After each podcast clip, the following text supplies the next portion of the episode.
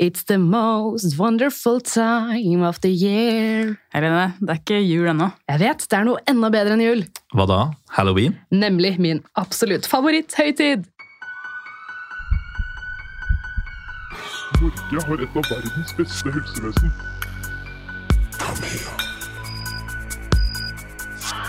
Hva har dere egentlig tenkt til å gjøre? Ikke bare for å rekruttere nye sykepleiere, men også beholde de som er her. I want your soul. You can't hide from me.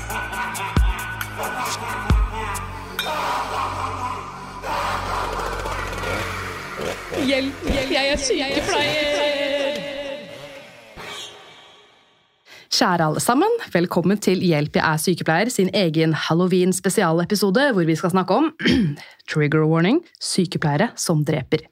Jeg og ukas gjester skal sammen ta for oss to forskjellige true crime-serier og en true crime-film, som da handler om nettopp Yes, dere tenker nok riktig sykepleiere som dreper. Om det blir tid, så skal vi også ta opp noen grusomme nyheter helt på slutten av episoden. Det blir drøye detaljer, og dette er ikke episoden for sårte sjeler, så jeg må bare få sagt det nok en gang, så alle er klar for dette. Trigger warning. Ok, halla, da er vi samla. Yes. Ok, gi gjestene en liten uh, introduksjon av hvem dere er. Skal du begynne? Ja, jeg kan det. Eh, Jeg heter jo Sigrid. Jeg er 29 år. Um, Og jeg kjenner deg eh, Vi bodde jo sammen på Ja. Grünerløkka for noen år siden. eh, I to, to og et halvt år. Eh, Og vært gode venner siden, egentlig. Um, Ja. Eh, Hva skal man si for noe mer? Jeg er utdanna politi, så jeg er ikke sykepleier. Nei, mm. det er litt gøy. Fikk fortsatt komme i podkasten, så det er jeg veldig fornøyd med. Ja, ja, ja. Men eh, sykepleiere og politi jobber jo ofte ganske tett Ja. ute på felten. Mm. Men ja, velkommen. Er dette første gang du spiller i en podkast? Det er første gang. Det er gøy. Du vet det er du som introduserte meg for podkast, sånn i utgangspunktet. Hvilken, var det True Crime på den? Ja. så takket være deg, Sigrid, så kom jeg inn i dette flotte podkastuniverset Ja. og blei hekta, og etter hvert begynte med det selv. Og nå snakker vi jo om true crime i denne episoden, så det er jo perfekt. Og du vet at True Crime-podden blir spilt inn her oh, ja, på Moderne? Media. Mm. Nice. Halla. Hei. Da er jeg tilbake i studio. Eh, Mitt navn er Vemund, men jeg er mest kjent som Helsebrorsan. Og jeg har vært her før. Eh, Jeg er 31 år og jobber som sykepleier på akuttmottaket på Kalnes.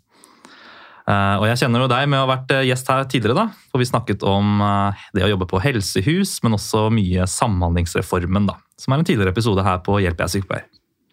Og det er veldig gøy, fordi ofte så spiller man jo bare inn en episode sammen, og så var det det. var det. Men vi har jo møttes flere ganger etter det og blitt Ja, venner. ja. da. Ja, det, du, du er jo en ildsjel for yrket, og jeg liker å snakke med ildsjeler, så vi har fått en god tone sånn sett. Og vi driver jo begge litt med sosiale medier og periodisk podkast også. Så vi har liksom noe til felles der, da, å snakke og coache hverandre litt på, kanskje. Mm. Så da sitter vi her alle tre, da. Two nurses, one cup, som vi heter på gruppechatten. Ja. Jeg var litt sånn, ah, skal jeg opprette enda en gruppechat? Jeg vet mange hater det, men det er bare så praktisk for Ja, sånne er her det. Men ja, eh, det blir jo en true crime-episode. En eh, halloween-spesial om sykepleiere som dreper. Men jeg må bare spørre dere, hva slags forhold har dere til halloween? Sexy sykepleierkostymer. Sexy nurse. Nei da. eh, egentlig så er det mest fest. Eh, jeg har min assosiasjon til, og at alle kler seg ut som enten Harley Quinn fra Batman-universet, eh, eller at eh, det er klovner som går rundt og skremmer folk på gata, og så blir det stor ståhei i media rundt det, og politianmeldelser og sånne ting. da. Uff. Eh, Forrige halloween så kledde jeg meg faktisk ut som den uh, klovnen Art fra Terrifier. Det så helt jævlig ut. Det var jenter som kom bort med og bare jeg må si det, men du er jævlig stygg. Takk, det er meningen. Men du har alltid veldig bra kostymer. Jeg elsker jo å kle meg ja, ut. Ja. Men Vemund, feira du halloween da du var liten? Ja, eh, jeg gikk ofte og banket på dører og trick or treat, eller knask eller knep, og kjørte på med det. Uh, når jeg var liten, Ja. Ja, så stoppet jeg opp, og så har jeg vært på noen sånne fester og sånn, men, men ofte så kommer halloween litt sånn brått på for meg, og så er jeg aldri forberedt, og så, ah, kostyme, søren, og så blir det noen sånn halvhjerta løsning på slutten. Så nei, jeg, jeg føler at der kunne jeg blitt litt flinkere, egentlig. Det er, jeg tror ikke du er den eneste som eh, må forte seg i siste liten. Enn du da, Sigrid? Hva er ditt forhold til halloween? Nei, jeg har alltid elsket halloween fra jeg var liten og gikk Knask og knep, som jeg for øvrig gikk ganske lenger enn til jeg var veldig liten. det var så gøy. Ja. Eh, men eh, det er jo fest. Fest og gøy. Eh, jeg er litt samme som deg, at det- blir litt siste liten kostymer. Jeg er ikke like god som deg, Helene. Må planlegge i god tid. Men nei, jeg syns det er kjempegøy, kjempegøy med halloween. Gøy å kle seg ut og gøy med fest og pynte skikkelig. og ja. Ja, det er gøy. Eh, Det er som jeg sa innledningsvis at det er min absolutt favoritthøytid, så jeg planlegger jo da halloween ofte i god tid. I motsetning til liksom jul og sånt. Da kan jeg være litt uh, i siste liten med julegave, men halloween det er på en måte sånn uh, få, Spooky season. ja, jeg pleier å få invitasjon til halloweenfesten din sånn tre måneder i forveien. Ja, jeg vurderer om jeg skal ha i år. Jeg har veldig lyst, men eh, ja. Livet om dagen. Vi får Ja. se. Men ja, jeg også gikk mye halloween da jeg var liten. Eh, Så jeg er jo fra Holmestrand, så jeg og venninna mi Lisa vi pleide å gå sammen. Samla inn så mye godteri vi kunne, og så dro vi til mormor etter det. Hvor vi da hadde pynta hele huset en dag i forhånd. Spindelvev overalt. Vi hadde lagd all pynten selv. Så spiste vi godteri der og fikk enda mer godteri fra mormor. Så fortsatte jeg å gå halloween helt til andre små barn sa til meg og min vennegjeng unnskyld meg, men er ikke dere litt store for å gå halloween? Det fikk jeg, det fikk jeg også høre. Åh, For det gikk litt for lenge. Så da måtte jeg jo stoppe å gå halloween, da. Men så begynte jeg jo da å komme i den alderen hvor man begynner å drikke alkohol, og så har jeg hatt sånne Apropos alkohol. voksenfester. Eh, når jeg gikk, eh, da jeg gikk knask og knep da jeg var vel kanskje sånn åtte år, så fikk jeg øl. så jeg, da jeg gikk eh, av en eller annen litt Sånn creepy mann i Nei, hvor, hvor joggebukse. Det var i Ås. I Ås, I ja. Ås, ja, ok. En litt møkkete, gå sliten joggebukse. Så fikk han ja, så jeg tenkte faen, jeg burde egentlig fortsatt med det. Skal vi gå i år? eh, Blir Det med? er i hvert fall tips til studenter da, som Ja. trenger øl. Bare gå halloween i Ås. Ås. studere Ja, ja, ja. i Ås er nok det beste stedet da, ja. Mm. Yes. Åh, Ok, Så alle har et godt eh, forhold til eh, halloween. Men eh, hva er det første som går gjennom hodet deres når dere hører denne setningen 'sykepleiere som dreper'? For meg så er det litt sånn, det er litt sånn motstridende med yrket i seg selv. For det er jo ofte, hele hensikten er ofte det omvendte. Å forhindre død. Og så, så det, det, det Jeg får litt sånn uggen, vond følelse i magen av det. Um, og litt sånn paranoia, kanskje, eh, Ja. for med, medkolleger, medkollegaer. da, De rundt seg. For man, i hvert fall min erfaring, da, og det hva jeg liker å tro om de rundt meg, at man, det er noe man kan stole på. At man jobber sammen som et lag uh, når man er på jobb. Så, så når man hører at det da er noen som kanskje motarbeider det man jobber for, Mm. så, så virker jo det veldig saboterende og ikke minst fælt og vondt. og ja, rett og slett litt sånn forrædersk. Ja, veldig sånn forstyrrende tanke. Kan Mm. sykepleiere drepe? Måte. Hva, hva tenker du, Sigrid? Nei, jeg er enig. Det, det er noe ekstra skummelt med det. eh, Når man er i sånne posisjoner der man på en måte har omsorg for hvor og mange sårbare, sårbare personer. Um, og så er jo også det som er litt skummelt, at man på en måte Noen få sånne saker på en måte kan prege på en måte mm, det man tror om helsevesenet, og at det på en måte, at det ikke bare er personen, men at det går utover um, At det blir litt mer At man kan bli litt redd for Mm. sykepleier generelt. Svekker eller svekker tilliten. Mm. At det kan være på en måte litt større enn bare den ene sykepleieren. Da. Ja. At det kan være litt uh, folk som blir litt uh, skrøpelige personer som blir litt redde for, for det generelt. Da. Ja, for Sykepleieryrket er jo på en måte, jeg tror faktisk det er rangert blant de yrkene som er øverst på de som har tillit i befolkningen. Mm. Så når du ikke kan stole på dem, og det viser jo igjen at vi er jo også bare mennesker som jobber, og mennesker er forskjellige, og Mm. det fins dessverre fæle mennesker i alle kretser av samfunnet, og til og med sykepleieryrket. Så sier Ja. jo det litt, da. Så er det jo viktig at nå snakker ikke vi om eutanasi. Altså Vi snakker ikke om eh, aktiv dødshjelp eller hjelp til selvdrap, sånn som er lov i andre land, eh, hvor det er på en måte meningen at sykepleiere skal hjelpe noen med å avslutte livet. Nå snakker vi om eh, mordere, rett og slett. Så ja. Jeg har jo funnet en, eh, en teori, da, for jeg har jo googla litt. Jeg har googlet uh, 'Nurses Who Kills', og så kom det opp 'Nurses Who Kill Syndrome'. Og klikka inn, så kom jeg på Wikipedia, da. Og da er det sånn uh, kriminologiteori som da heter 'Angel of Mercy', eller 'Angel of Death'. Har dere hørt om det? Kun i heavy metal, som er låter rundt det, men, men uh, ikke sånn spesifikt. Det er aldri egentlig et uttrykk jeg har tenkt noe over. Nei. Men det er jo Er ikke det bare om på en måte barmhjertighetsdrap? på en måte? Ja, det var det jeg trodde. Så måtte jeg lese litt. Og så er det viktig å si at dette her er bare Wikipedia, og det er overhodet ikke noe fasit. Eh, Men eh, vi tar det med for moro skyld, for det er greit å ha en teori å gå ut ifra, selv om vi er verken psykiatere eller kriminologer. Eh, Wikipedia har i hvert fall delt inn i tre forskjellige kategorier da, av disse Angel of Death-folka. Uh, altså for det første så Angel of Death det er en helsearbeider da, som uh, tar liv når det ikke er meningen å ta liv. Og de tre kategoriene er da mercy killer, altså barmhjertighetsmorder.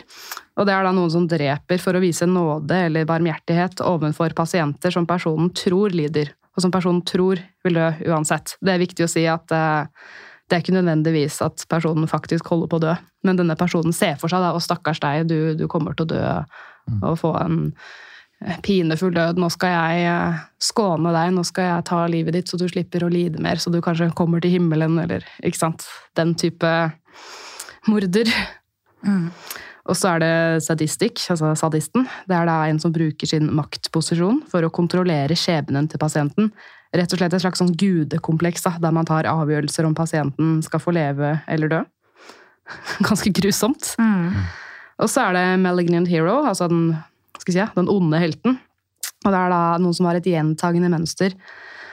Det er en person da påfører pasienten død eller akutt sykdom eller skade for å så redde pasienten, eller forsøke å redde pasienten, for å da fremstå som en helt som da har gjort alt man kan for å redde denne pasienten. Sånn, for eksempel påføre noen hjertestans for å så kunne gjøre HLR. Da bare å, se, jeg er reddet, eller prøvde å redde. Det er ganske sykt. Ja, det, det går igjen, Ja. som vi sa rett før eh, vi starta innspillinga, så går det imot alt jeg på en måte føler meg komfortabel med på jobb. Da. For det, når en pasient først blir dårlig, da blir jeg stressa på jobb. Og det siste jeg egentlig vil på jobb, er å være stressa. Og du får ikke sånn kick over jeg er Nei, nei, jeg ikke, jeg, sånn sett, og det var jeg f- sa før jeg begynte på akuttmottak. Jeg tenkte jeg er egentlig litt uegna til å jobbe der, fordi jeg liker ikke det stresset. Jeg liker at alle er stabile, ting er fint, da har jeg det komfortabelt på jobb, da føler jeg meg trygg. Men, men hvis en pasient blir brått dårlig, og det, selvfølgelig det er fint at det stresset er der, for da setter Ja. jeg meg i gang, og da gjør jeg noe med en gang, for jeg blir jo veldig, herregud, det her må jeg fikse med en gang. Eh, men, men å oppsøke det stresset, eller framprovosere det, det er bare det verste jeg kunne sett for meg. For det Nei, jeg, da hvis, ikke sant, Har vi en akutt dårlig pasient, da, eller flere på en vakt, så går jeg rundt med et konstant stress i kroppen for å få rett opp i det og få ordna mulig, forhåpentligvis stabilisert.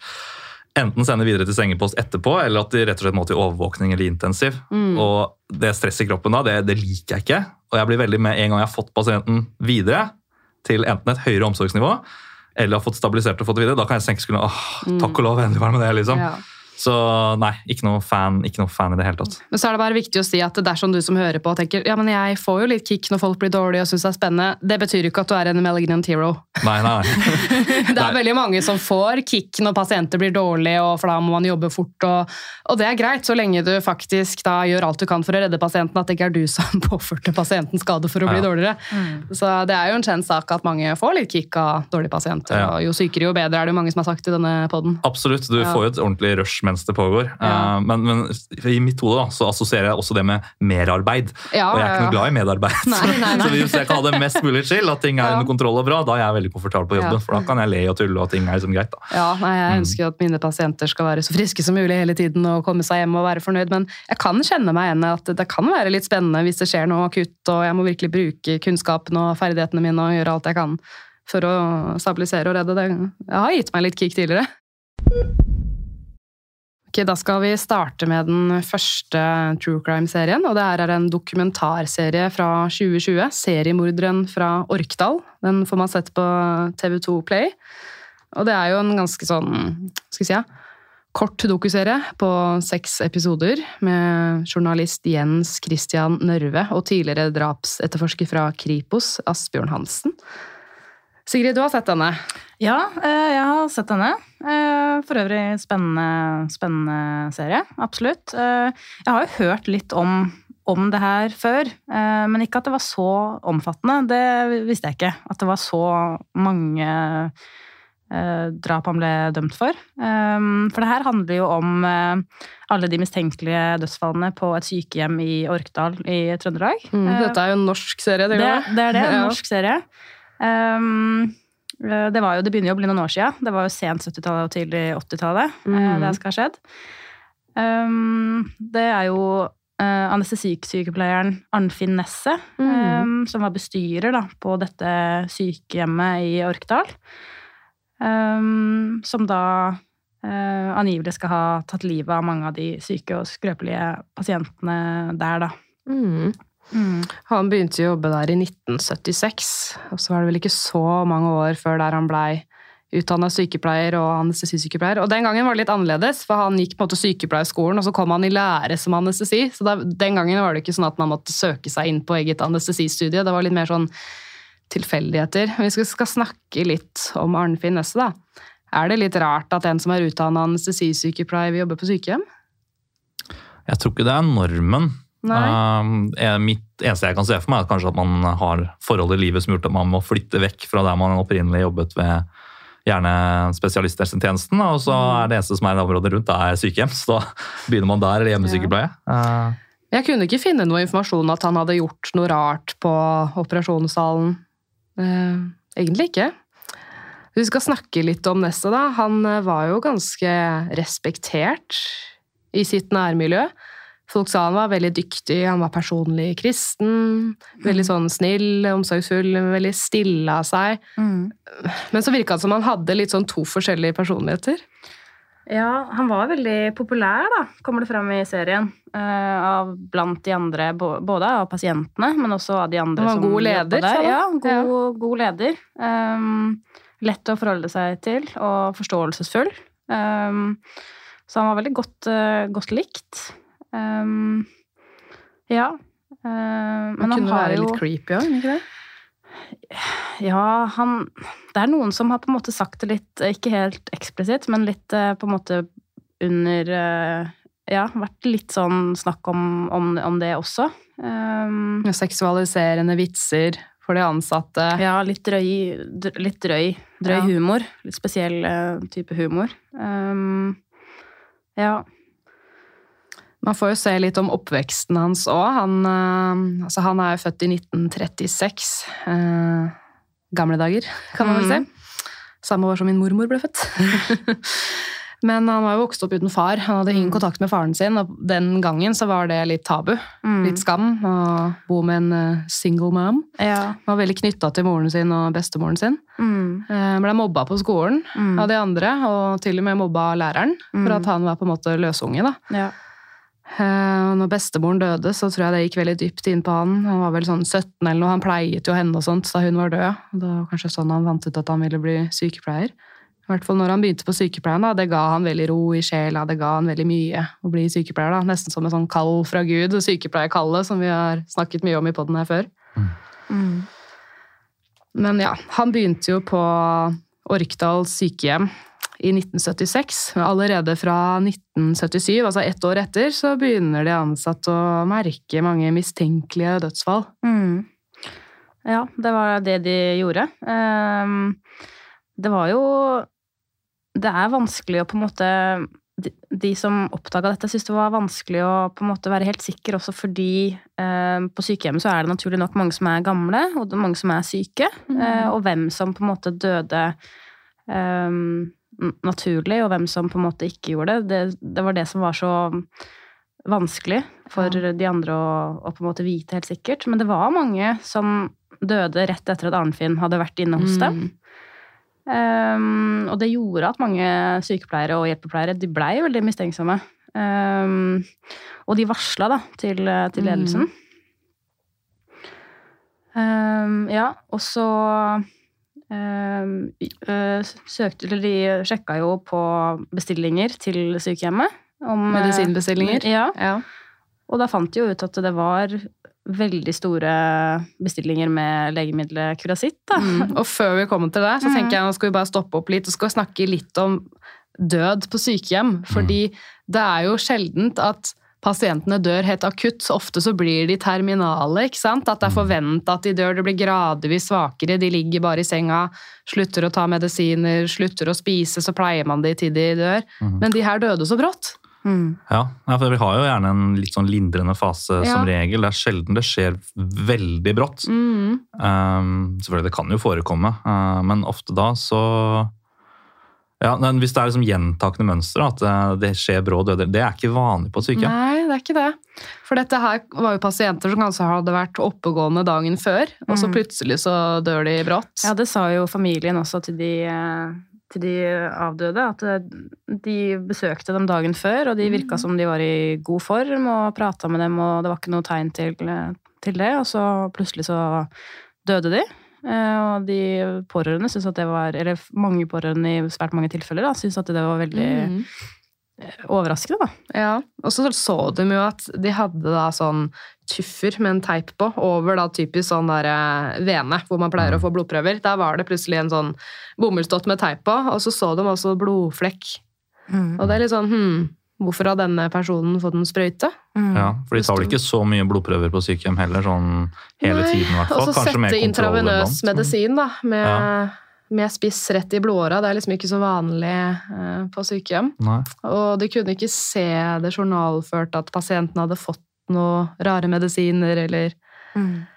Nei, så it's Og- something fishy going on. Ja, og han Arnfinn Nesse, han sa jo heller ikke um, hva han skulle inn hos dem, på en måte. Nei, han bare gikk inn der og var borte litt, og så kom han ut og ville ikke helt på en måte fortelle det for de andre som ansatte, da. Og det tenker jeg at når det mangler den åpenheten og notoriteten, da, så er det noe, kan det være noe litt uh, fishy, da. Så blei han vel med de ned på, på likstua og var der ganske lenge og sånt. Og så var det litt sånn mm, Mm. Why?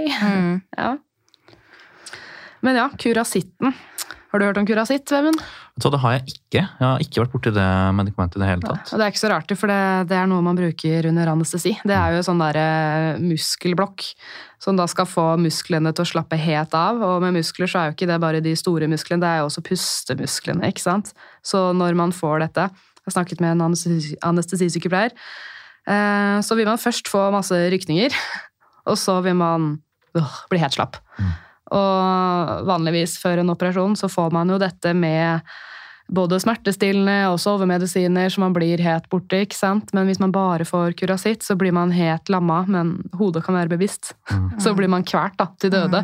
Så tenk så ekkelt for pasienten å først begynne å riste, og så være helt slapp, ikke puste, ikke bevege seg, men hodet er klart, og så bare dør man og blir kvert. Jeg tenker det er litt rart å bestille det til et sykehjem, tenker jeg. Det har ingenting på et sykehjem å gjøre. Nei.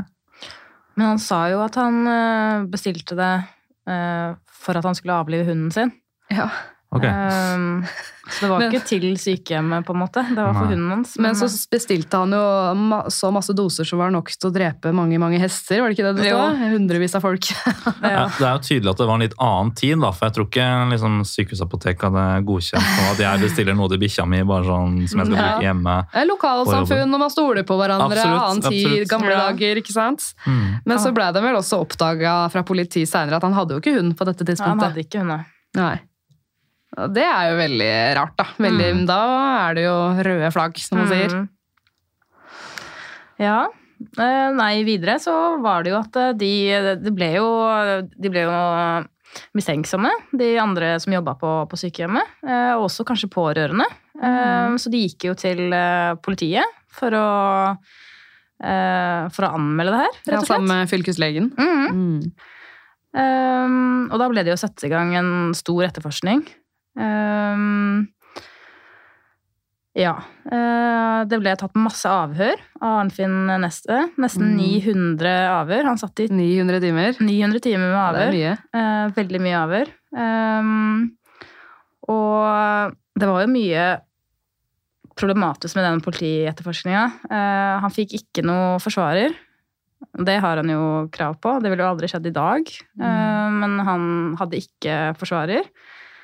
Um, og det å sitte i Han satt i omtrent gjennomsnittlig jeg tror det var ti timer per dag eh, med avhør, med få pauser. Um, og da tenker jeg at alle Da begynner man å motsi seg selv uansett. Man knekker til slutt. Du knek, knekker til slutt, eh, og du begynner å motsi deg selv. Uh, Du blir så sliten, du blir så lei, Mm. og du vil bare, bare bli ferdig. Eh, Og det har også Arne Finesse sagt uh, seinere, at han, han, vil, han tilsto, mm. for det var det han gjorde. Han tilsto um, hele 25 drap, og han gjorde det fordi han, han orka ikke mer. Han Mm. eh, ville bare komme, bli ferdig med det uh, og komme seg ut derfra. Han var så psykisk nedbrutt og, og sliten, da. Han blei vel også lagt inn, ble han ikke det? På psykiatrisk, iallfall sånn kristent hvilehjem. Ja. Ja. Mm. Men så fikk han jo advokat etter hvert, da. ja. Alf Nordhus. Og de som hører på den her, kjenner sikkert ikke til Alf Nordhus, men back in the days, da, i 80-tallet, så var han liksom stjerneadvokaten. Da. Det var liksom som han Elden er i dag. Det var han eh, Alf Nordhus der, og han også kunne opptre på sånne andre show på TV med dans og synging og masse damer, og så han var litt sånn pikenes Jens, men også veldig sånn streng advokat, skjønte jeg. men da trakk han jo tilståelsen, da. ja, det han hadde gjorde faen det. ikke gjort. Nei, da trakk han, eh, trakk han alle tilståelsene sine Ja. sammen med advokaten. Eh, Og han, da saken kom opp i retten, så innrømte han ingen, ingen drap. Mm. Um, ja. Det har tatt lang tid, da, fordi disse dødsfallene som de la merke til, det var jo først i 77, og så er det jo kurasitten ble oppdaga i 1980, og først i 1981 så blir jo politiet kontakta. Mm. Ja, det tok, eh, det tok lang tid. Um, vet dere noe om hvor lenge kurasitt på en måte er i kroppen? I forhold til om, om eh, de hadde anmeldt det tidligere, om det kunne vært på en måte noe um, Om de kunne finne ut om de døde pga. kurasitt eller, eh, eller ikke? Nei, det veit jeg ikke. Aldri vært borti det. Men en ting, en ting jeg funderer på, det er jo en, prisen på det må jo ha vært ganske billig. Hvis man bare kan bestille det. Og det snakker jeg av erfaring, fordi jeg klarte å feilbestille noe som heter Aktylyse en gang. Og da fikk ledelsen komme med en gang hva er det du har bestilt nå. Det her er, koster jo 1000 kroner hver ampulle, og da fikk jeg jo helt sjokk. Eh, Det var noe vi må bare sende til sykehuset, for det var ikke noe vi brukte der. For igjen, det er også noe man bruker på i spesialisthelsetjenesten, ikke til vanlig i kommunen. Mm. Eh, Så det må jo en ha vært ganske billig hvis han har bestilt så store mengder av det. For det er vel noe økonomibilde her også, tenker jeg. Ja. Så at ingen har stilt spørsmål ved det, syns jeg fortsatt er litt rart. altså, det medikamentet. Men denne fylkeslegen gjorde jo noe sånn, innførte noen sånne systemer at eh, når man skal gi medisiner, så må man ha dobbel signatur, og det blei jo litt sånn strengere. Hun fylkeslegen ante jo litt ugler i, i mosen. Ja. Men så har det jo vært et mediesirkus uten like, da. Det var veldig mye VG-oppslag, og de skrev så mye om han, og det kom opp masse sånne teorier om at Nesse er nekrofil, Nesse har gjort det og det, og det er ikke rart man blei utslitt psykisk. Mm. Og så De obduserte jo aldri, det er et viktig poeng, da. Ja, nei, de, de, ingen, ble, ingen ble obdusert. Ehm, så det er jo også på en måte Jeg, veit ikke om jeg, jeg vet ikke om kurasitt hadde på en måte om det hadde synes i en obduksjon. Det veit jeg ikke. Hvis de Eh. gjorde det tidlig, så hadde det sikkert det, for det er noe som heter halveringstid, så de fleste medisiner kan man se eh, noen døgn etterpå. Vil jeg Mm. tro. De snakket jo også om det på serien med noen sånne leger, at de kunne finne det inn i øyet, at det lagra seg der i lengre tid. Ja. Så jeg tror nok, uten at jeg er noen ekspert på obduksjon, så tror jeg det hadde vært mulig å finne det ut hvis de obduserte litt tidlig. For de begynte jo å snakke om sånn at de kanskje skulle grave opp lik fra gravplassen og mange år etterpå, men da er det jo i hvert fall for Ja, og så kunne man jo eventuelt kanskje sett stikket, da. eh, hvis de hadde blitt eh, kjapt eh, Ja. obdusert også. Men det er det når det tar så mange år etterpå, det er på en måte vanskelig å Mm. bevise noe da. Så advokaten hans var jo helt sikker på sånn, det er ingen som har noen tekniske bevis, og han kan ikke bli dømt. Men hva var det som skjedde da, Mm. i 1983? Nei, han ble jo dømt, da. Ja, Ehm, for 22 drap. ja, ehm, og dømt til eh, 21 års eh, fengsel. ja. Mm. Lovens strengeste straff. Mm. Men det til tross for at eh, Sammen med advokaten hans så ehm, sa de jo at De fant jo ut at eh, han, mange av de drapene han ehm, innrømte, eller tilsto, Ja. eh, at han ikke kan ha begått dem fordi han var i utlandet. Ja, ikke sant? Mm. Mm. Men ja, dømt det ble han. Eh, Og i dag så er han 88 år, han har bytta navn og lever på hemmelig adresse. Mm. Men eh, hva tenker vi om Nesse? Skyldig eller uskyldig? Hva, hva tenker dere? Jeg overlater det til politiet. Du har kanskje ikke sett serien heller? Nei, jeg har ikke sett den serien. Den har jeg ikke sett, Men jeg har sett de andre seriene og filmene her, da. Det har du. Lest litt pensum, holdt jeg på å si. Ja, pensum. ja har det. Uh, jeg tenker, uh, jeg tenker jo Jeg syns særlig dette med kurasitt Da. Det er Ja. veldig merkelig hvis det, har vært, hvis det har vært såpass store mengder av medikament. For det er litt sånn, Jeg vet ikke hvordan det var på den tiden, men i hvert fall nå så er de jo veldig opptatt av budsjetter og at eh, man ikke skal bestille noe som ikke brukes og ting som går på dato kastes. og da, Det er synd å Mm. liksom veldig nøye på det. da. Ja. Eh, Men dette var kanskje før man skulle effektivisere, så Ja. det kan jo ha en eh, sammenheng med det. Før New Public Management. som Ja. var tillitsbasert denne gangen. Men, men som jeg har sett i de andre seriene også, så er det liksom det med å faktisk vite om vedkommende har gjort det, hvor vanskelig det er. Og det er det som er litt sånn skummelt med eh, drap innen sykepleie, da, eller av sykepleiere, at det er veldig vanskelig å ta dem i hendelsen. Mm. Eh, Og det å finne bevis veldig sånn konkret, med mindre du mistenker det. Så jeg tror det er lett at ting går under radaren, absolutt. Mm. Um, men igjen, det her, ikke sant? Hva man har sett i de andre scenene, det kan jo også være noen andre. Det må jo ikke ha vært ham. Mm. Uh, som man ser i andre serier, så starter man jo medisin ubevisst, som noen andre har planta. Uh, og så er det jo den som tar livet av den flere timer senere. Så det å klare å vite hvem gjorde hva når, Ja. det er vanskelig. altså. Og der, der vet ikke jeg nærheten nok om saken til å kunne ta noen stilling til det. Uh, vet ikke hvor mye de egentlig mistenkte om han og fant ut det før han ble arrestert. Så en annen ting med han var jo at han hadde gjort litt sånn økonomisk scam og sånt tidligere. Mm. Mm. Men spørsmålet er jo på en måte hva som eventuelt er grunnen til at han Hvorfor han skulle eventuelt ha gjort det, da. Mm. Hva Ja, de hadde jo noen teorier på det. og Det ene var jo barmhjertighetsdrap. mm. Mercy killing. Og så var det noen som trodde at han var sadist, at han nøt seksuelt. Og alt sånn. Og så er det noen som hadde en teori om at det hadde med økonomi å gjøre. For Mm. til den gangen så var det vanskelig å få sykehjemsplass. Mm. Så noen trodde jo da at han drepte pasienter som han tenkte var for skrøpelige, så kunne de få inn nye. Mm. At han da skulle bli populær. Å, takk for at mor og far får så fort Mm. plass på dette sykehjemmet. Mm. Ja, det, det er fælt. Hvis det er eh, så vanskelig å få sykehjem at eh, bestyreren dreper pasientene. Men eh, hvis dere må, eller må ta stillingen, da, skyldig eller uskyldig, hva tenker dere? Guilty or not guilty? Uh, jeg satser på skyldig. jeg. ja. Ja. Ja, jeg tar også det er, det er så mye som skurrer der. Og han ble jo tross alt uh, dømt. Ja. Så uh, ja. Jeg tror nok det er en mercy killer vi har, har med å gjøre her. ja. Jeg tror også han er skyldig, men jeg tror ikke han har drept alle de pasientene. Men jeg tror nok han har drept noen, ut ifra det jeg har sett på hele serien. Mm.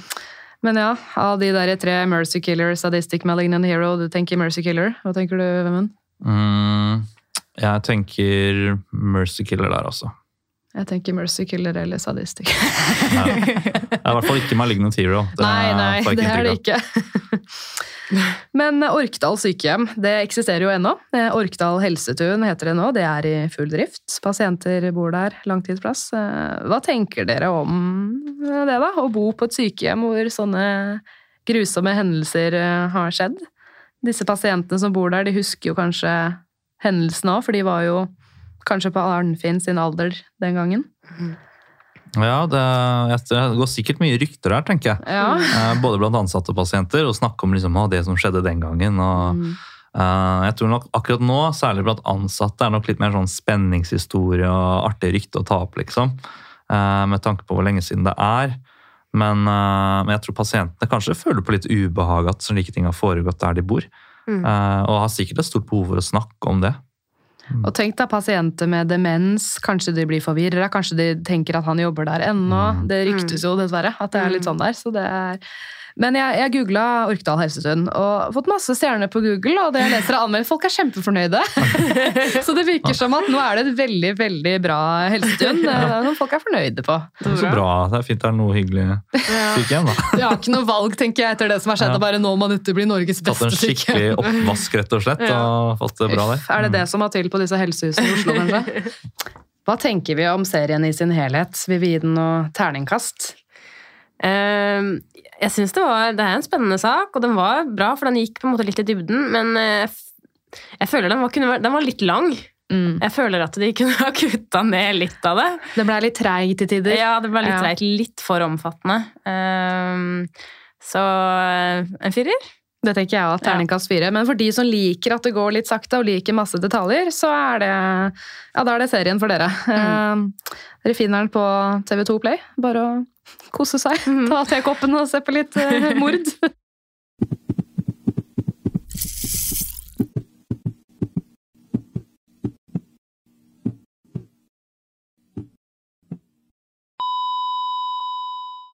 Ok, Vi skal videre til neste true crime-serie. Dette er da Sykepleieren, eller The Nurse, eller Sykepleiersken, som er da en miniserie på fire episoder. Ligger på Netflix. Den er dansk, eh, og det er med skuespillerne Josefine Park og Fanny Louis Bernt i hovedrollene. Og det er fra de samme skaperne av serien Kastanjemannen, for de som har sett det. Den er også på Netflix, og basert på dokumentarboken Sykepleiersken fra 2019. Så da er vi jo da i år 2016, og vi følger Pernille Kursmann, som er nyutdanna sykepleier. Hun er singel. Hun er mamma, har delt ansvar for datteren med eksen, eh, og flytter da til Nykjøping i Danmark. Starter av sin første sykepleierjobb på akuttmottak på Nykjøping sykehus, og får opplæring av den erfarne og selvsikre sykepleieren Kristina Aistrup Hansen. Så er det jo hjertestans da, på førstevakten. Eh, Pernille blir jo naturligvis stressa, og Kristina sier 'nå skal du lære'. Har du gjort hår lærfull?' Bare på en duge. Bare på en dokke. Ja, men nå, nå så tar den derre uh, uh, uh, staying alive, ikke sant? De synger mens de redder pasienten, og jammen så overlever pasienten. og de blir kalt for Dream Team av legen, og de blir raskt gode venner, ikke sant. Så heftig start på den nye jobben som het nyutdannet sykepleier. Jeg vet ikke om jeg hadde turt å jobbe på akuttmottak som het fersk sykepleiere. Hadde du, Vemund? Uh, jeg var livredd for det. Uh, Ja. Jeg skulle jo egentlig jobbe i uh, hjemmesykepleien som nattevakt. Ja, det var var din drøm. Hvis du husker det. Ja. Men så endte jeg opp på kommunal akuttavdeling, og Ja. da fikk jeg jo helt hakeslepp. Herregud, du kan ikke putte meg inn der, jeg er jo så fersk som det bare går an. Og det er jo sammenlignet med akuttmottak betraktelig mye roligere. Mm. Og jeg lærte jo masse der. Eh, jeg tror jeg hadde nok blitt veldig overveldet hvis jeg ble kastet inn på et akuttmottak.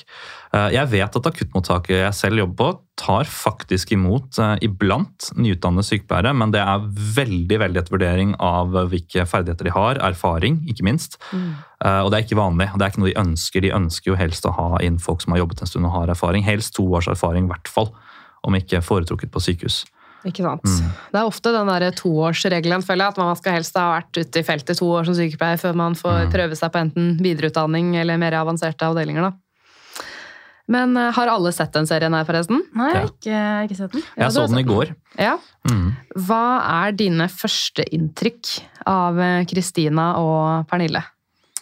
Eh, jeg jeg syns egentlig den traff spikeren veldig godt på Ja. begge personene. Uh, en som har høy status, er flink og kan alt, men Ja, ja, og som liksom er så engasjert da, og skal få med og ja, 'bli med meg', og dette Masse til, og vise deg, selvsikkerhet og, ja. Dette er bra, Nei, du får det her til etter hvert. Dette kan du Når jeg gjorde det, så var det sånn, og det her er ikke uvanlig. og Mm. Er liksom bygga veldig opp til å være med. Dette er fett, dette er kult. Og så hvis du møter motgang, så er det sånn nei, men så det er helt vanlig. Det Det her skjer alle, og sånn hadde jeg det også. Du må ikke la det knuse deg. Du må være Mm. med liksom fortsette med å jobbe her.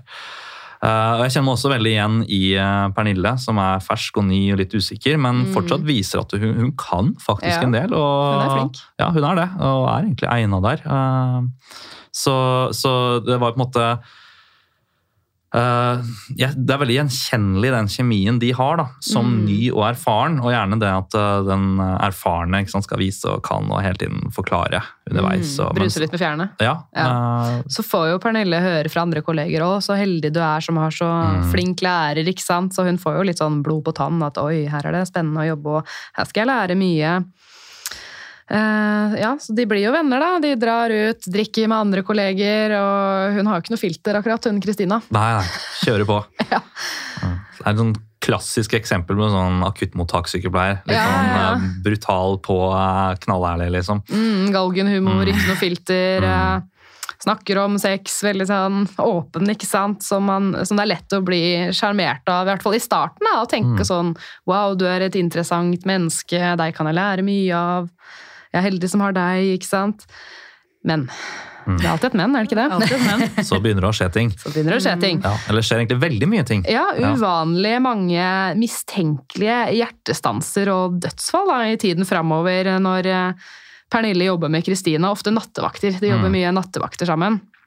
Eh, og Kristina er jo alltid der når det skjer. Ja. Ofte hun som oppdager hjertestansen og må varsle teamet og begynner eh, HLR. Begynner jo Pernille å ane litt ugler i mosene og mistenker kanskje at Kristina står bak. Så la oss snakke litt om disse mistenkelige dødsfallene. Husker du noen av de? Du har akkurat sett serien. Ja, uh, veldig ofte mistenkelige er jo Vi hadde jo en blant annet som kom inn for en urinretensjon. Kanskje det beste eksempelet. jeg kan Ja, den tenkte jeg på. Han var kun innenfor en urinretensjon, hadde ingen historikk med noe hjertesykdom eller noe som helst. For de som ikke vet hva urinretensjon er, det er hvis man ikke klarer å tisse. Ja. Altså full blære, klarer ikke å tisse, må kanskje ha kateter. Ja. ikke sant? Uh, og så er det jo kona til uh, denne mannen. skal ta med seg barnebarnet på besøk neste morgen og avtaler det og gleder seg til det. Og så i løpet av natten så brått hjertestans.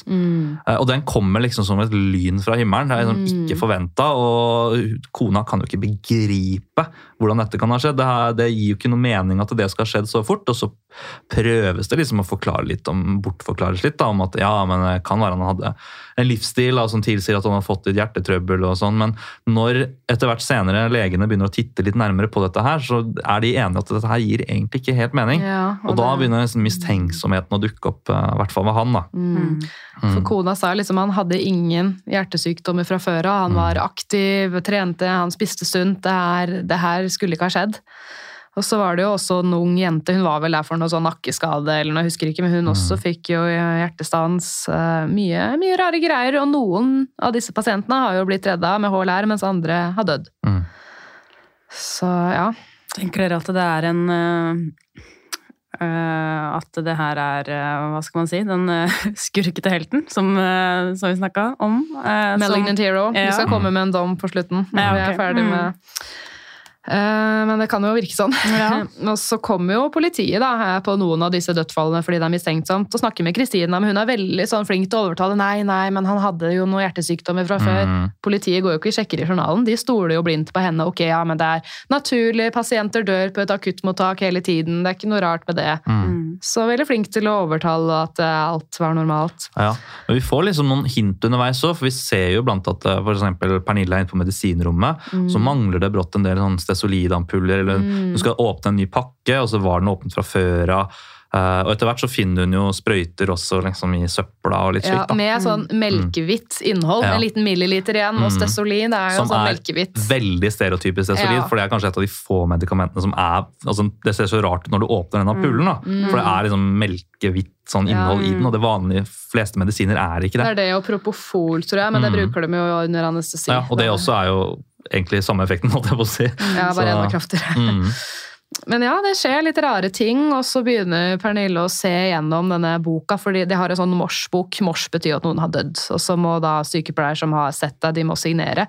Og så ser hun vel i løpet av seks måneder, så er det 22 mors som er signert av Kristina. Mm. Det er ganske mye. Det er veldig mye. Mm. Og så ja, får hun jo høre Pernille får jo høre fra andre kolleger at du, hun Kristina, hun bør du kanskje holde deg litt unna. Du kan ikke egentlig stole på henne. Hun Mm. sier veldig mye rart som ikke stemmer, og hun har prøvd seg på kjæresten eh, til andre kolleger her, og Mm. ja, så legger hun jo litt merke Hun tar jo henne i løgn. Hun sier Mm. hun kommer for seint en dag og bare 'Å, bilen min har er blitt totalvraka mye greier'. Og så ser jo Pernille på slutten av vakten at bilen hennes står bak sykehuset. Helt fin. Mm. Ikke en skramme. Og Det var også en hendelse hvor, eh, hvor de skulle fest, eh, koble på en veneflon.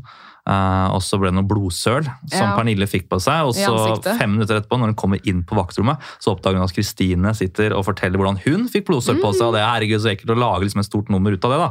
Ja, Det er ikke sånn verdens største ting, men det var litt sånn rart. eh, Mm. Ta æren av det noen andre har opplevd. noe som skjedde, Ja. og Pernille stusset sånn, men det var jo meg. Men, altså, ikke at det er noe å skryte av, men ok. Uh, Så det er liksom alltid noe som skjer rundt Kristina. da. Alltid. Og det snakker jo om Kristina-vakter. Alle bare, «Å, alltid på Kristina sine vakter så skjer det så mye rart. Mm. Og så var det jo en gang hvor hun varsla hjertestans og begynte HLR, så kommer legene, men hun har jo puls. Hvorfor gjør du HLR? Så bare, oi shit. Da blei hun litt sånn ferska på en måte der og da.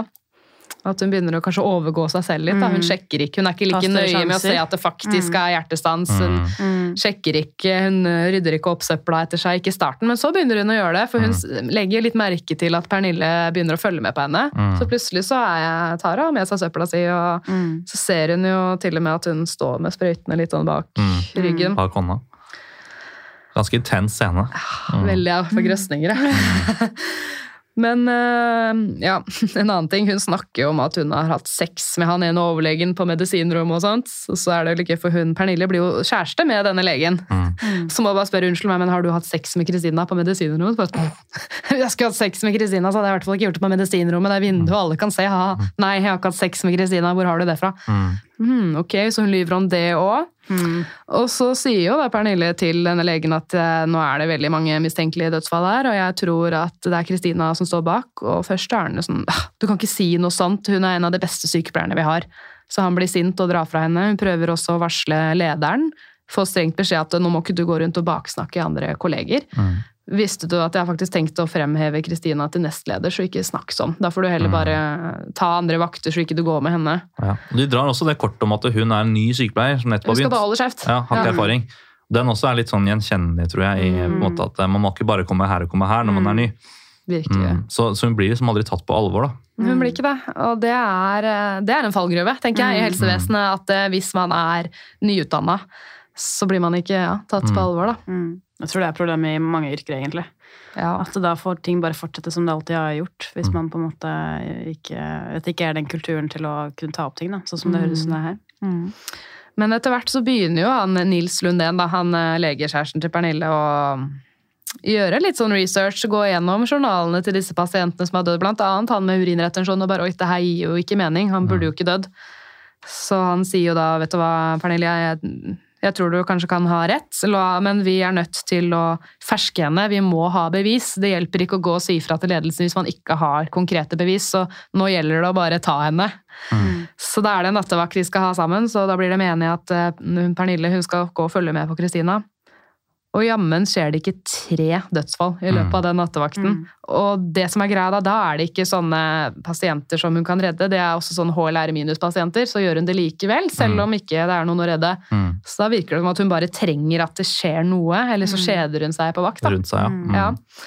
Uh, og da ser hun jo at hun holder disse stesolid-sprøytene bak ryggen. Hun ser at Kristina injiserer det, og hun ringer og sier ifra til Nils at ok, nå er det tre dødsfall. Han bare nei, men i helvete!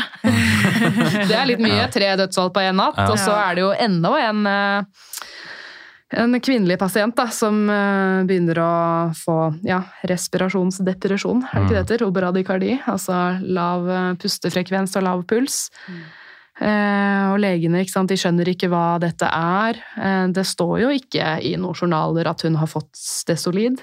Så sier Pernille plutselig at det gir henne motstoffet til stesolid, altså flumacenil. Mm. Men legene bare, men hvorfor det? Hun har ikke fått stesolid. Bare gjør det. Jeg er ganske sikker på at det kommer til å hjelpe. Mm. Så da gir jo Pernille flumacenil intravenøst, og jammen fungerer ikke det som magi. Plutselig så våkner pasienten opp igjen. Mm. Og da, da skjønte folk liksom at ok, shit, Ja. det der hadde ikke funka hvis ikke hun faktisk Mm. hadde stesolid i blodet. Mm. Så da går jo Pernille og Nils og anmelder Kristina til politiet, og dagen etter så arresteres hun på jobben. Mm. Og hun eh, nekter jo for det, da, bare 'nei, det har jeg ikke gjort', ikke sant, men hun ble, hun ble tatt. Mm. Men hvorfor tror dere at Kristina gjorde disse grusomme handlingene?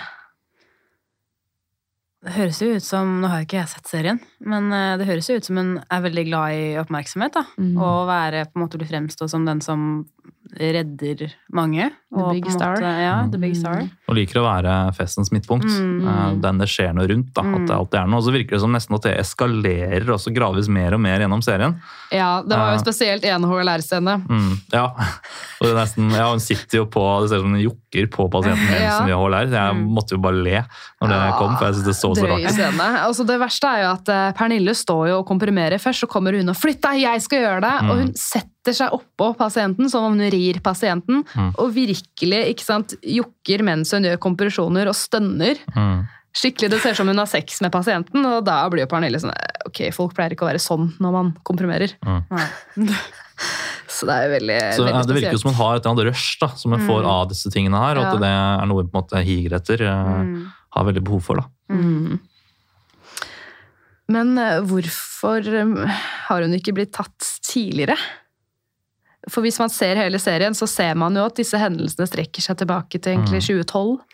Jeg tenker Det kan jo være mange grunner til det, men at hun er jo Høres ut som hun er respektert sykepleier. da, Jobba Ja. der lenge. Eh, Folk liker henne, tenker at hun er flink. Eh, Folk ser det på en måte prøver å se det beste i henne. da.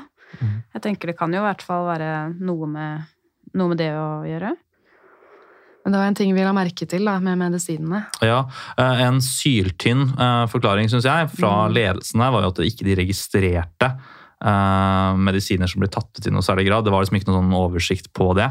Mm. Og i hvert fall i 2012 så er det holder ikke. Det hadde man forventa skulle være på plass der, da. Ja, fordi altså Stesoli, da, for de som ikke vet hva det er, det er jo flytende valium som man kan få intravenøst, og valium er jo da veldig sånn beroligende medisin. og Hvis Mm. man får for mye av det, så får man pustestans og etter hvert hjertestans.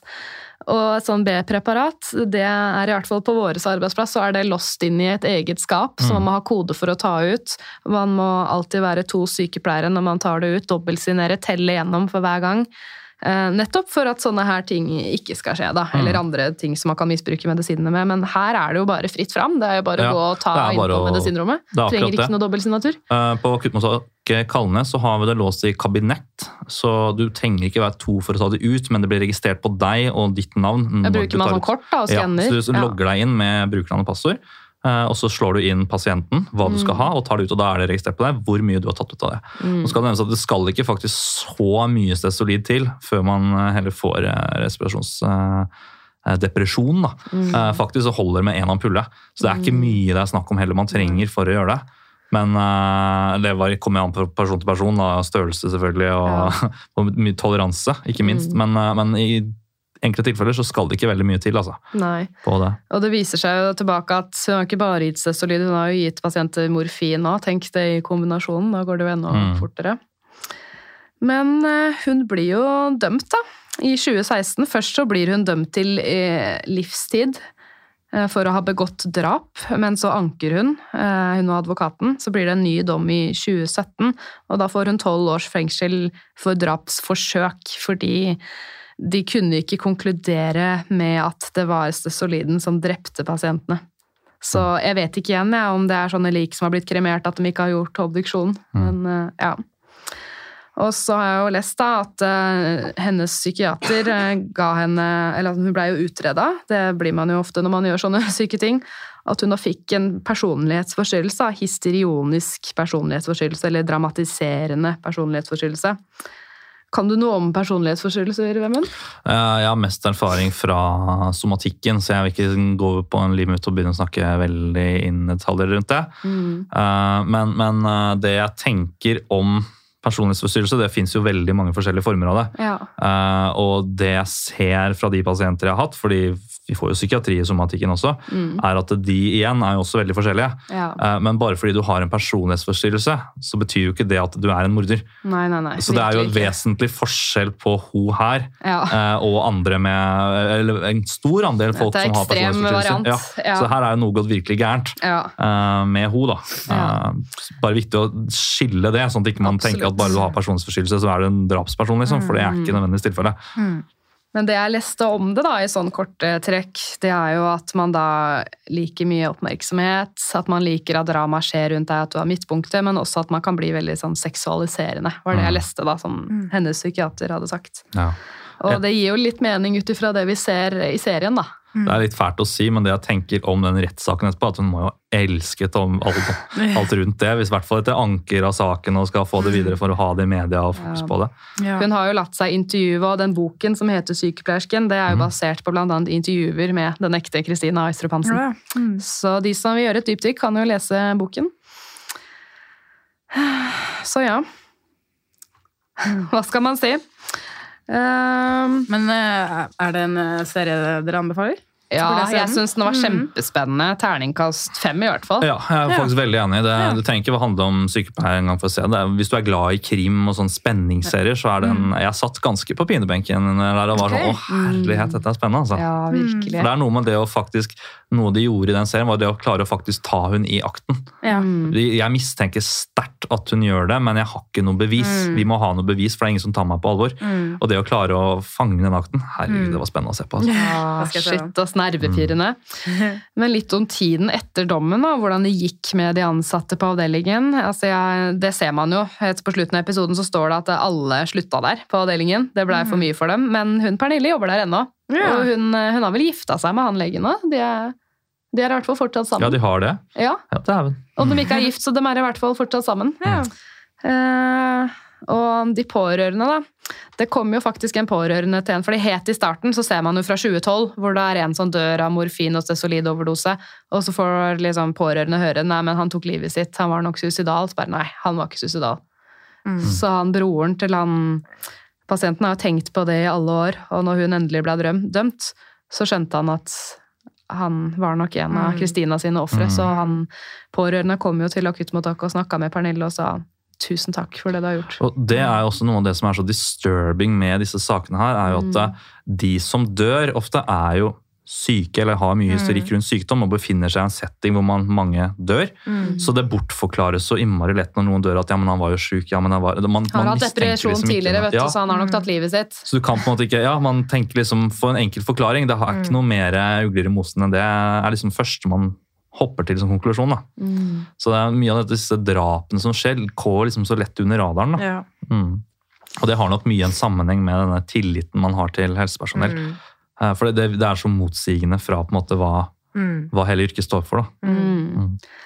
Men uh, hva slags morder tenker vi at uh, Hva slags angel of death er Kristina Øystrup Hansen? Malignant Hero. Malignant Ja, Hero. Den tenker jeg òg. Ja. 100 Mm.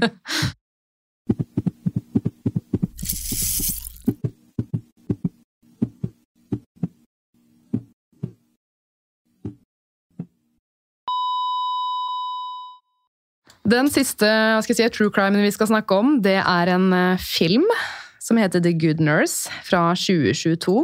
Finnes på Netflix og er basert på boken med samme tittel. Vemund, du har sett The Good Nurse? Jeg har sett The Good Nurse. Mm. Ja. Vi befinner oss på 2000-tallet, på en intensivavdeling på Somerset Medical Center i New Jersey USA. og Der møter vi jo den overarbeidede sykepleieren og alenemoren Amy det? Lauren? Logrin? Lauren. Lauren? Ja. Amy Lauren. Ja, heretter bare Amy. Spilt av Jessica Chastain, som er kjent fra bl.a. filmene Interstellar og It Chapter 2. Mm. Og så kommer det noen og skal hjelpe henne. Ja. Det møter vi. Det er jo Charles Cullen. eh, Charlie. Ja, eller Mm. Charlie, da. Ja.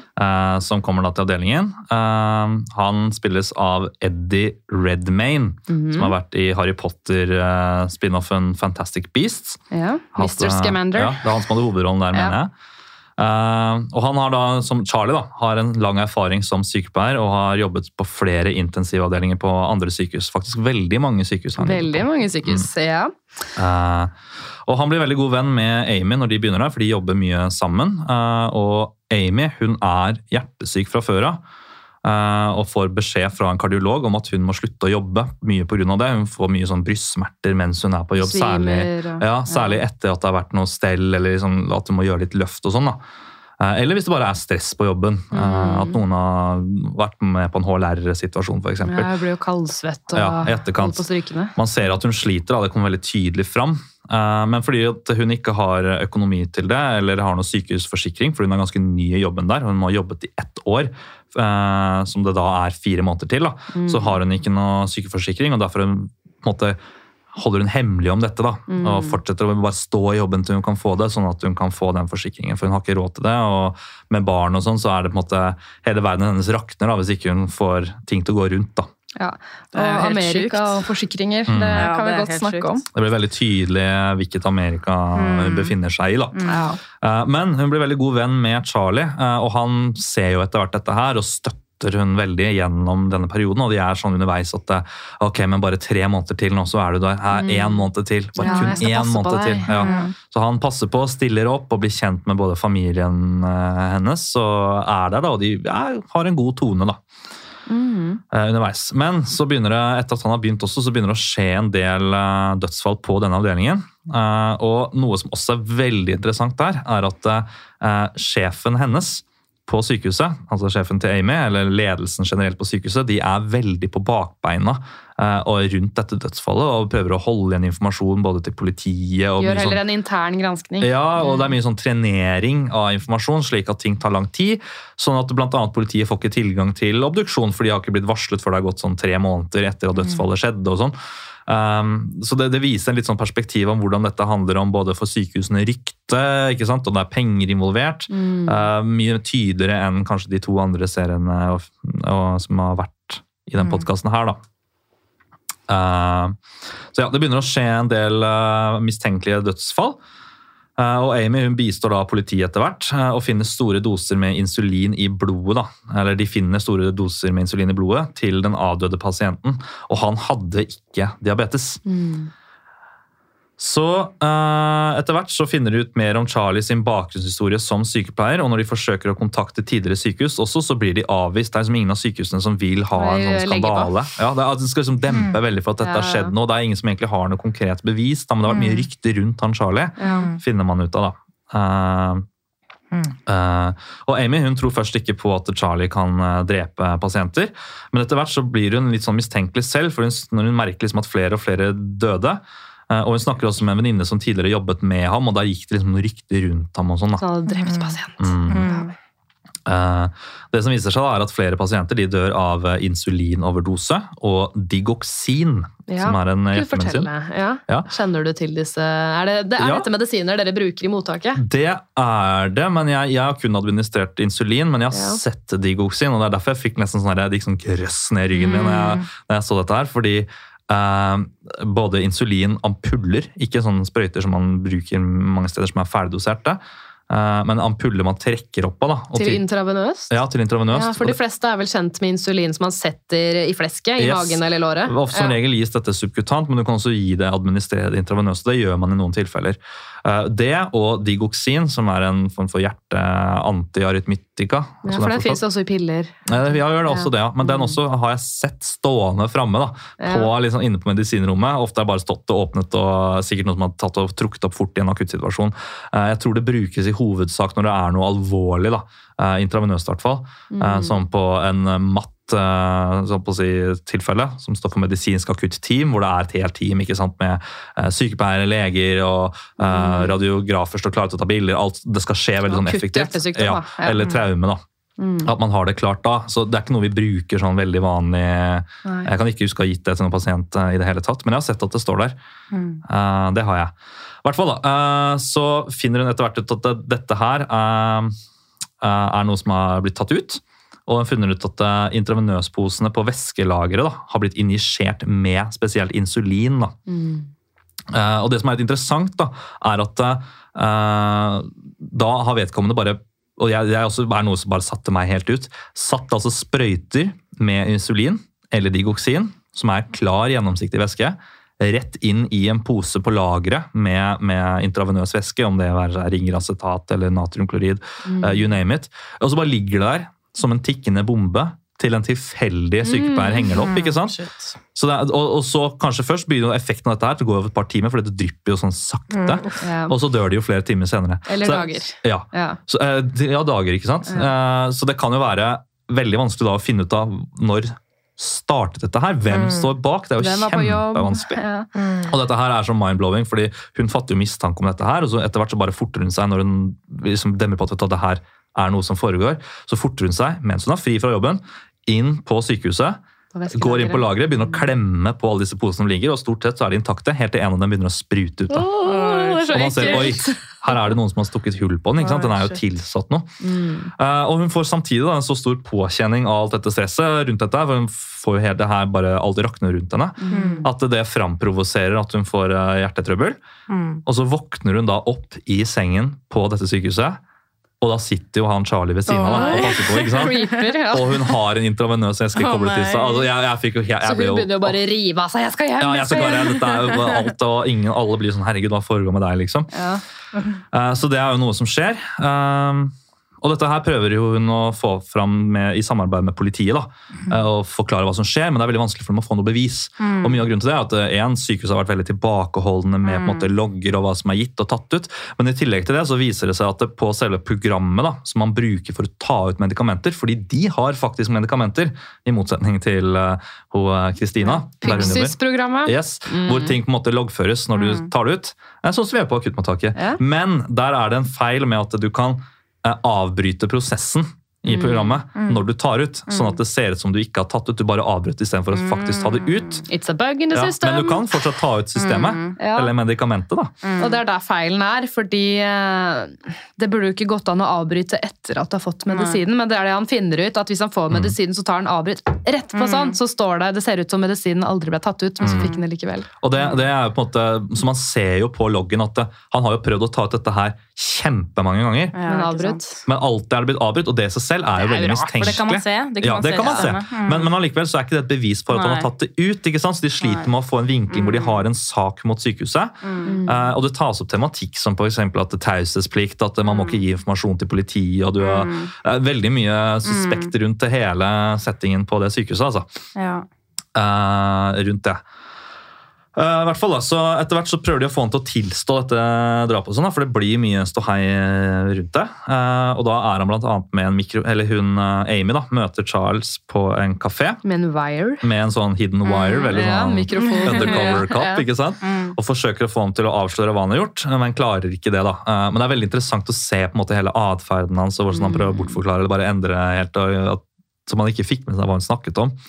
Men han klikka jo. Det avslørte han jo litt når Ja. hun begynte sånn derre Du kan fortelle til meg hvis du gjorde det, jeg kan skjønne hvorfor du gjorde det. Så slår han i bordet, Ja. og hun skvetter, ikke sant. Så, Og så så bare, og så bare 'jeg må gå nå'. Ja. liksom det, det henger ikke helt på grep. da, sånn. Enten så måtte han gå, eller så var det sånn 'skal vi dra på piknik en dag?' Han Ja. bare bytter het uh, tema. Mm. Ja. Så blir han anholdt, og de sliter først med å få han til å prate. Det er ganske interessante scener her hvor han for eksempel, de pusher han veldig hardt. da. Og så blir han han sier bare 'jeg kan ikke, jeg kan ikke'. Han I låser can't! seg. I can't! I can't! Han låser seg veldig, Uh, eh, men så begynner han å snakke etter hvert som han får besøk da, av hun Amy. Ja. Eh, Og så kommer dette fram. Eh, Og så kommer det fram etter hvert da, at eh, han ble dømt, og at han hadde drept flere pasienter eh, og fra liksom sted til sted. Da. Og Dette er noe de prøver å få før han, før han slutter. Da.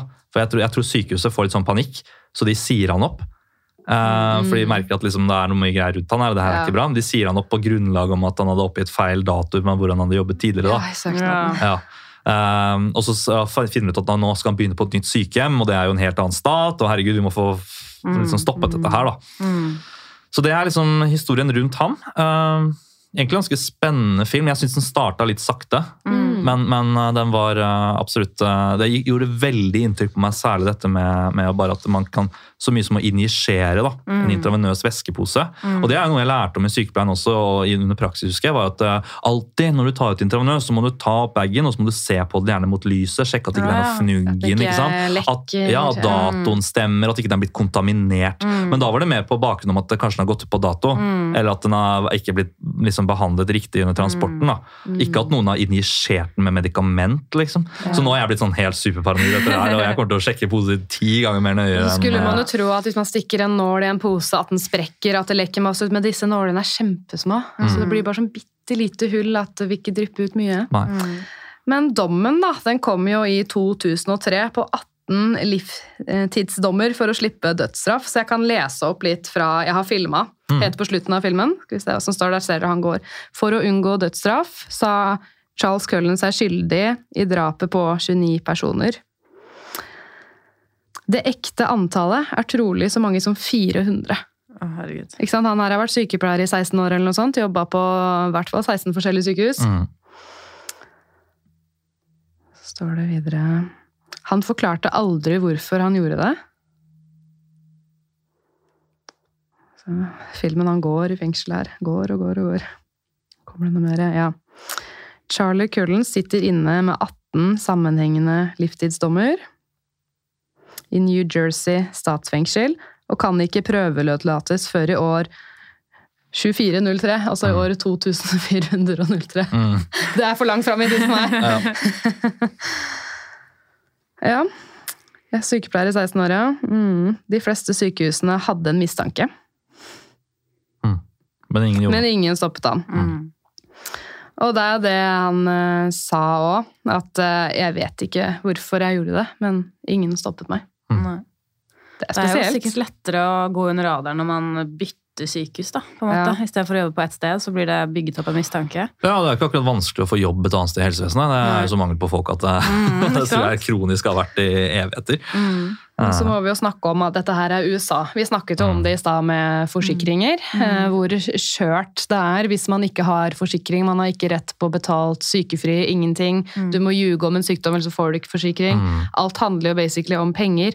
Og jeg tror disse sykehusene de var veldig redd for at dette skulle komme ut. De hadde en mistanke, men ingen anmeldte han. For tenk, da. Mm. Og sykehuset kunne blitt saksøkt for det her og tapt masse penger. Så, men det er, det er veldig bedrift, synd. Ja, men tenk da at i stedet for å beskytte pasientene og anmelde han så han kom bak lås og slå, så sier de bare vet du hva, du kan bare slutte her. Si opp frivillig, så får du en helt nøytral referanse. Bare begynn et annet sted, bare ikke jobb her. Så de, alle disse lederne har jo de har jo egentlig visst om det, så har de bare latt han få slutte å jobbe et annet sted for å redde sitt eget skinn. Men de driter i om pasienter blir drept på andre sykehus. Det er det tristeste i hele serien, nei, hele Veldig. filmen, syns jeg. Sjukt. Så den skiller seg veldig ut der, eh, på liksom hele samfunnet de lever i. da. Ja. Mm. Det er liksom bare etikette det handler om da, på sykehus i USA. Mm. Men ja, hva tenker vi om eh, filmen? Jeg syns den var bra. Uh, jeg, jeg, jeg får litt vondt av fyren nå, på en måte. Uh, og, for han, frems, han fremstår jo sant, som en så veldig hyggelig, ålreit fyr. Ja. Og som støtter opp og er liksom veldig for hun Amy, da, som er sjuk. Så du får jo på en måte samtidig litt sympati for fyren, og så bare har han liksom den helt syke siden ved seg, hvor han bare Nei, jeg bare putter medikamenter inn i ting og tang, og så ser vi hva som skjer, liksom. Ja. Uh, så det, det er litt sånn uh, Jeg føler den, den og den forrige serien med Kristina får frem veldig det der at du, du har jo tillit til de rundt deg, de du jobber med. Man blir kjent med de, de er hyggelige mennesker. Man tror liksom ikke det om andre, men så begynner det å dukke opp litt sånn her og der. Før den mistanken. Og først så benekter man, det er jo liksom første sted, stadiet. er bare, Nei, det kan ikke stemme. Mm. Men så etter hvert så kommer jo den mistanken smygende, og du får liksom mer og mer bekreftelse på den. da. Eh, Så det er vondt. Og det, det, det var mange av disse her, både Pernille tror jeg, og hun Amy, føler seg jo ganske sånn forrådt da, av å stå i dette her. Det er drøye saker. Men mm. terningkast på filmen? Oi, jeg er litt sånn kresen der, så jeg tror for meg var det en sterk firer. Mm. Jeg er enig. Men eh, hva slags morder er eh, Charlie, da? Han, han prøvde jo ikke Jeg føler ikke at han er en sånn som påførte en annen stund for så å på en måte prøve å redde dem, for det virka jo ikke som han gjorde. Nei. Nei. Jeg fikk inntrykk av at han var en sånn uh, mercy killer. Ja. Uh, fordi mange av de led, da, var det han sa. Uh, Så han har nok trodd at kanskje pasienten har vært mye sykere enn de egentlig Mm. var. da. For han var jo veldig sånn flink og omsorgsfull. Han var ikke den som prøvde å få mye oppmerksomhet i det hele tatt. Nei. I motsetning til hun Kristina, så var han ganske sånn stille av seg og Mm. omsorgsfull. Men jeg syns det er vanskelig å sette han i noe bås, for han visste jo ikke selv hvorfor han drepte folk. Men jeg har gjort et lite dypdykk i livshistorien hans, og han har jo blitt mobba. Gjennom hele barndommen, men også i militæret. Han har suicidforsøk bak seg. Tror det gjør noe med et menneskesinn. At da kan det ha gitt han en eller annen god følelse at han har i hvert fall kontroll over andres liv, om han ikke har kontroll over sitt eget miserable life. Jeg vet Kanskje. ikke. Og så tenker jeg at det er jo mange andre som har blitt mobba, Ja. eh, og som har opplevd kjipe ting, eh, som ikke gjør det. Så Mm. hvorfor skal det absolutt være det? Jeg Men det er jo, vi har jo hørt på mye true crime-podder, Sigrid, og det Det går jo jo litt igjennom at mange av de seriemorderne har blitt mobba eller Ja. hatt veldig dårlig forhold til foreldrene sine. Det Så- er en gjenganger. Det dere sier er at det er økt risiko for å bli drapsperson hvis man har blitt mye mobba og har dårlig for, forhold til foreldrene sine. Kanskje? Kanskje. Ja. Var er ikke jeg noe ekspert, jeg har bare lagt merke til det i alle disse true crime-podene jeg har hørt på. Ja. Nei, eh, jeg tror ikke at eh, Jeg tror du kan bli et fantastisk godt menneske med en stabil jobb og fine venner rundt deg og ha et normalt liv selv om du har blitt mobba. Ja. Uh, absolutt. Men uh, jeg tror nok at uh, det kan i noen tilfeller prege prege deg på en- et negativt sett, da, selvfølgelig. Mm. Mm. Virkelig. Men skal vi diskutere litt? Er det noen likhetstegn mellom disse sykepleierne fra serien og filmen? Jeg syns jo at kanskje det er noe likhetstegn mellom Arnfinn Nesset og Charles Gullen. Begge var jo veldig sånn flinke, omsorgsfulle, veldig stille personer, og så bare gjør de helt sånne grufulle ting. Ja. Begge var blitt Mm. mobba, hatt vanskelig Ja. oppvekst. Jeg tror alle tre ble liksom egentlig godt likt Ja. på avdelingen sin. Mm. Det var liksom, det var ingen som, men jeg tror hvis ikke du er godt likt på avdelingen, så blir du jo fort utstøtt uansett da, Mm. I et arbeidsmiljø. Eh, Da trives du jo gjerne ikke i jobben din, og da gidder du ikke jobbe der. Så, men det var en fellestrekk jeg så. da. At alle, liksom, alle kunne snakke positivt om dem. Han Alle nye som er så flink, eller Ja. hun er dyktig og jobbet her i mange år. Ja. sånn, Mm, Mm. Folk har tillit til det. Ja. Anerkjent blant Det er, det, kolleger. litt. det er jo derfor på en måte de alle holdt på i mange år, da. Eller holdt på lenge. Fordi de på en måte Folk så ikke at de kunne være en sånn person, på en måte. At de gikk under radioen fordi det var så godt likt. Alle holdt jo på veldig lenge. Og et annet likhetstrekk, det har ikke noe med de sykepleierne gjøre, men det er det at det er vanskelig å varsle. At man ikke blir Mm. trodd. mm. Det, er, det går igjen igjen og igjen. Ja. At det er vanskelig å bli trodd når man de varsler. sier jo det at eh, Er du klar over hvilken anklage du kommer med her nå? Mm, For vet det du er hva jo du driver med, alvorlig. liksom? Ikke Mm. baksnakk Mm. kollegaen din, fikk jo Mm. høre. Mm. Ikke baksnakking.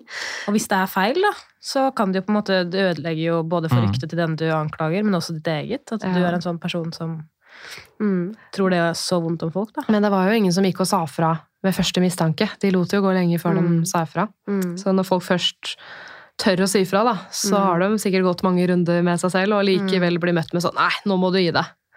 Mm. Det er ganske sykt. Mm. Men hvilke av filmene eller seriene likte dere best? Jeg har sett alle, så jeg likte Sykepleieren best. Ja, jeg må si meg enig. Eh, Mm. Jeg likte Sykepleieren. Sykepleieren, ja. Syns den var veldig veldig fin. Jeg Kan Ja. anbefales uavhengig om det er interessert i helse eller ikke. Ja, da skal jeg se den. Jeg har jo bare sett den med Arnfinn Netze. ja. Mm. Eh, Hvilke av disse morderne vil dere si er verst? Alle er ganske eh, Alle er ganske ille. på. jeg, jeg ikke, sånn- Når det blir sånn eh, oppmerksomhetsgreie, da blir jeg litt sånn åh, Ah, lag drama. Ja. Ja, jeg så syns det var litt sånn, jeg får litt vondt av det. det er, eller ingen av de er ålreite, det er ikke det. Men, men uh, nei, det er bare Det rubber meg, gnir meg virkelig feil, altså. Ja. Ja. Det å lage et stort nummer ut av noe, liksom, eller framprovosere for å få oppmerksomhet. Da, tenker Nyter det, liksom. Mm. Nyter at andre dør. Men dere, hva tenker dere egentlig om uh, sånne type seriemordere? Født sånn eller blitt sånn? Det er jo noen som lurer på kan noen finne på å ta en helseutdanning bare for å på en måte misbruke folk og drepe folk? Jeg tror det er veldig interessant både innenfor eh, fengselsvesen, politi, skole og helsevesenet, er at man havner i en posisjon der hvor du jobber med utsatte mennesker, og du har et maktforhold og maktbalanse for dem som krever mye tillit. Og dessverre så tror jeg, og det ser man jo gjentatt egentlig over alle sektorer, at de tiltrekker seg til tider fæle mennesker. Og det er noe man må være litt sånn overvåken på, da. Mm. Uh, og jeg snakket med, med I for, forbindelse med dette her, da, så snakket, den podcasten her, så snakket jeg med en kollega på nattevakt her forleden om det at eh, ja, vi har en annen kollega her, eh, jeg skal ikke hete noen navn, men der jeg jobber, som er veldig sånn, nesten sånn hauk, som skal passe på alle og følge med og legger seg liksom nesa si oppi alle pasientene og sånn. og ja, det kan jo på en måte være litt irriterende, eller nesten sånn at de skal, du føler de nesten skal belære deg på alt og passe på ting, at ikke de gir deg noe tillit, men samtidig så tror jeg det er så viktig at man har litt sånne ildsjeler som følger litt med og er på, altså. Ja. For de fanger opp sånne ting, tror jeg. Mm. Sigrid, er det noe dere lærte om på Politihøgskolen? Om folk som misbruker sin maktposisjon, enten i politi eller helse, og begynner å drepe og ja. Nei, vi lærte egentlig ikke noe om det. Um, men jeg tenker at det er jo eh, Hvis man er i en posisjon uh, der man har uh, I et sånt yrke, så er det jo på en måte Det må jo være skjerpende på en måte på en straff når man på en måte Hvis du er i en sånn posisjon der du skal ta vare på folk, da. ja, at man bør straffes ekstra hardt, tenker du? Siden man ja, misbruker yrket sitt? Siden det har så mye å si for tilliten til på en måte hele, hele helsevesenet, da, for eksempel. Så, Så Også med seksuelle misbruk, hvis det er helsepersonell eller politi som gjør det, det bør straffes ekstra hardt. Samme med politikere, ikke sant, som Mm. driver og bryter sine egne regler. De bør Mm. straffes ekstra hardt, spør du meg. Ja, fordi da på en måte du ehm, Ja, du er i en sånn posisjon der du skal ta vare på folk, og du eh, At da tenker jeg at det går utover ikke bare de personene du på en måte har utsatt eller drept eller gjort noe mot, men også at du skaper frykt, da. Mm. eh, Og svekker tilliten, som er så viktig innenfor alle disse, både helsevesenet og politiet og fengselsvesenet og alle. Så er det bare viktig å si at uh, disse menneskene som gjør sånne ting, selv om de er helsepersonell, så kan jo de også være syke. Mm. At de trenger hjelp òg, da. Mm. At man ikke bare skal uh, si at noen er født ondskapsfull og mm, de trenger nok hjelp. Ikke at Mm. det er noe unnskyldning, selvfølgelig, Mm. men uh, helsepersonell er jo også pasienter på en eller annen Mm. måte. Ja. Men eh, hva tenker dere om at det her har blitt underholdning? Det virker som det trender litt, sånn der krim og helse. Det er jo også den der nye serien Malpractice, hvis dere har sett den. Det handler jo ikke om sykepleiere som dreper, men det er liksom Det er jo også en egen serie som heter Nurses Who Kills. Og, Mm. Mm. er, er det dumt at det har blitt underholdning? Det kommer jo fra et sted, da. Det er jo hendelser, tenker Ja. jeg. Uh, og vi lager jo underholdning eller dokumentasjon eller eh, Ja.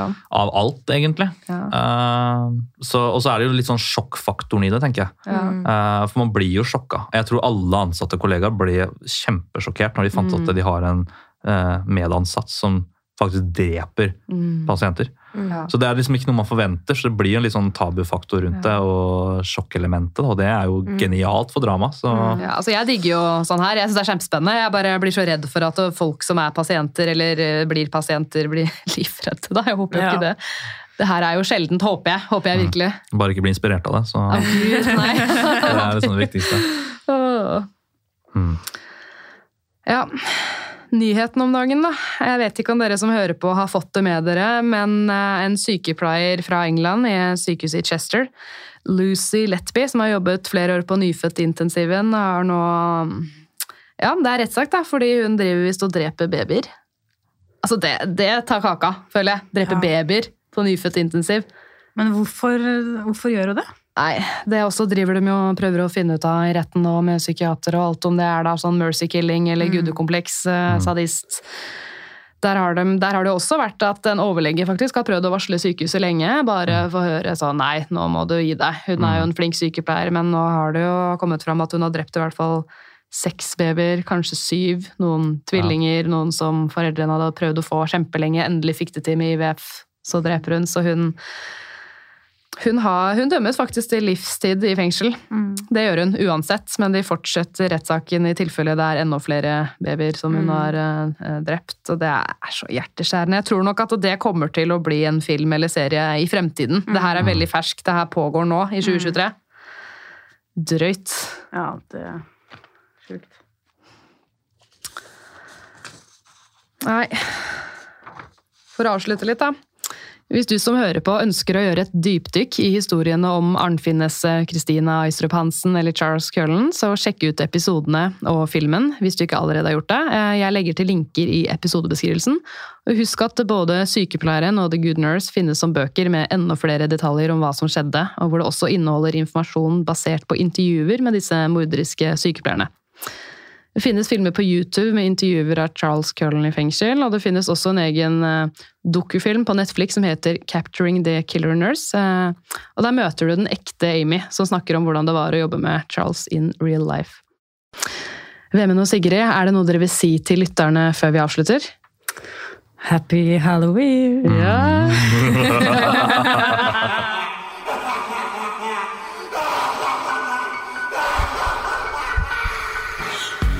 for at du hørte på Hjelp, jeg er sykepleier. Hvis du likte episoden, blir jeg veldig glad hvis du vil dele den videre på relevante plattformer. Jeg blir også veldig glad hvis du vil anbefale den videre til venner, kolleger, medstudenter eller andre folk du tror kan få glede av denne podkasten. Hvis du vil få varsling neste gang det slippes en ny episode av Hjelp, jeg er sykepleier, så er det bare å trykke på abonner-knappen her hvor du hører på podkast. Hvis du vil komme med ønsker for podden, eller gi meg tips eller tilbakemeldinger, eller bare følge meg og mitt podkasteventyr, så er du hjertelig velkommen til å følge Hjelp jeg er sykepleier på Instagram. Hjelp jeg er sykepleier er også på Facebook, men det er på Instagram det er desidert mest aktivitet. Der har du også mulighet til å stille spørsmål til Q&A til fremtidige gjester av podden. Du kan også sende meg en mail, og mailadressen til Hjelp jeg er sykepleier står beskrevet i hver episodebeskrivelse.